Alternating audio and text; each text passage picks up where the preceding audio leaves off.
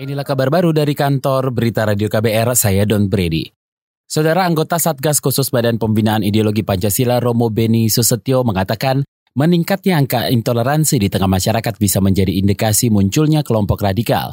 Pemicunya kata dia karena pemahaman ideologi masih rendah dan masifnya politisasi suatu isu termasuk isu agama artinya memang hampir ada trennya memang ada tren kenaikan. Dan itu kan memang hampir kalau kita mau jujur kan hampir 10 tahun yang lalu. Jadi itu kan memang intoleransi itu kan meningkat. Jadi tren meningkat itu kan akibat dari salah satunya adalah pemahaman ideologi yang semakin hari kan semakin rendah. Ada kedua ya ada politisasi di mana-mana Robo Beni Susetio juga menjelaskan munculnya politik identitas mulai terjadi pada saat Pilkada DKI Jakarta satu dasawarsa lalu.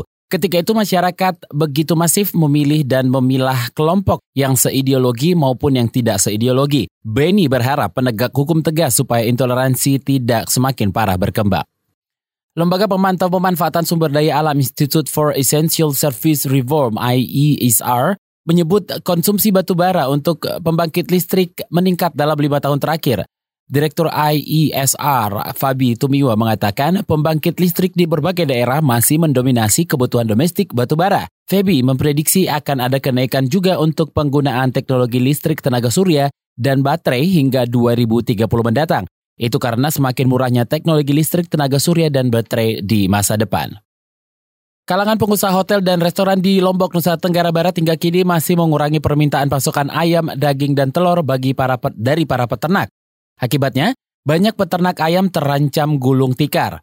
Ketua Persatuan Hotel dan Restoran Indonesia Nusa Tenggara Barat Igusti Lanang Patra mengatakan tidak hanya hotel dan restoran yang mengurangi permintaan tadi, tapi juga sektor UMKM. Igusti berharap industri pariwisata bisa normal kembali pasca pemilu. Jadi intinya itu, jadi berkurangnya arus kunjungan wisata ke sini kan gitu. Masuk restoran kaki lima, restoran-restoran semua pada sehan, lesehan, pada bekerja, hotel juga gitu.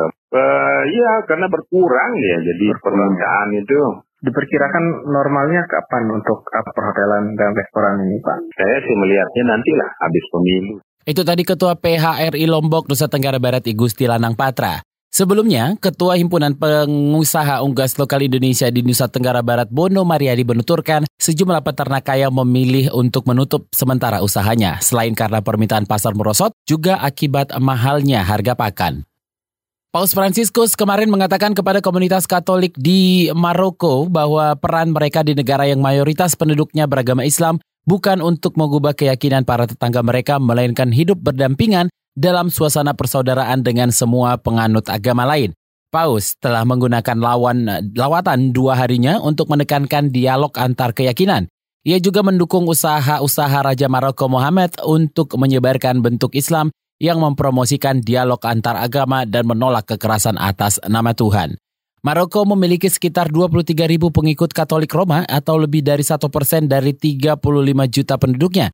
Sebagian besar pemulik, pemil, pemeluk Katolik Roma itu ekspatriat berkebangsaan Eropa dan imigran sub-Sahara Afrika. Demikian kabar baru dari kantor Berita Radio KBR, saya Don Brady.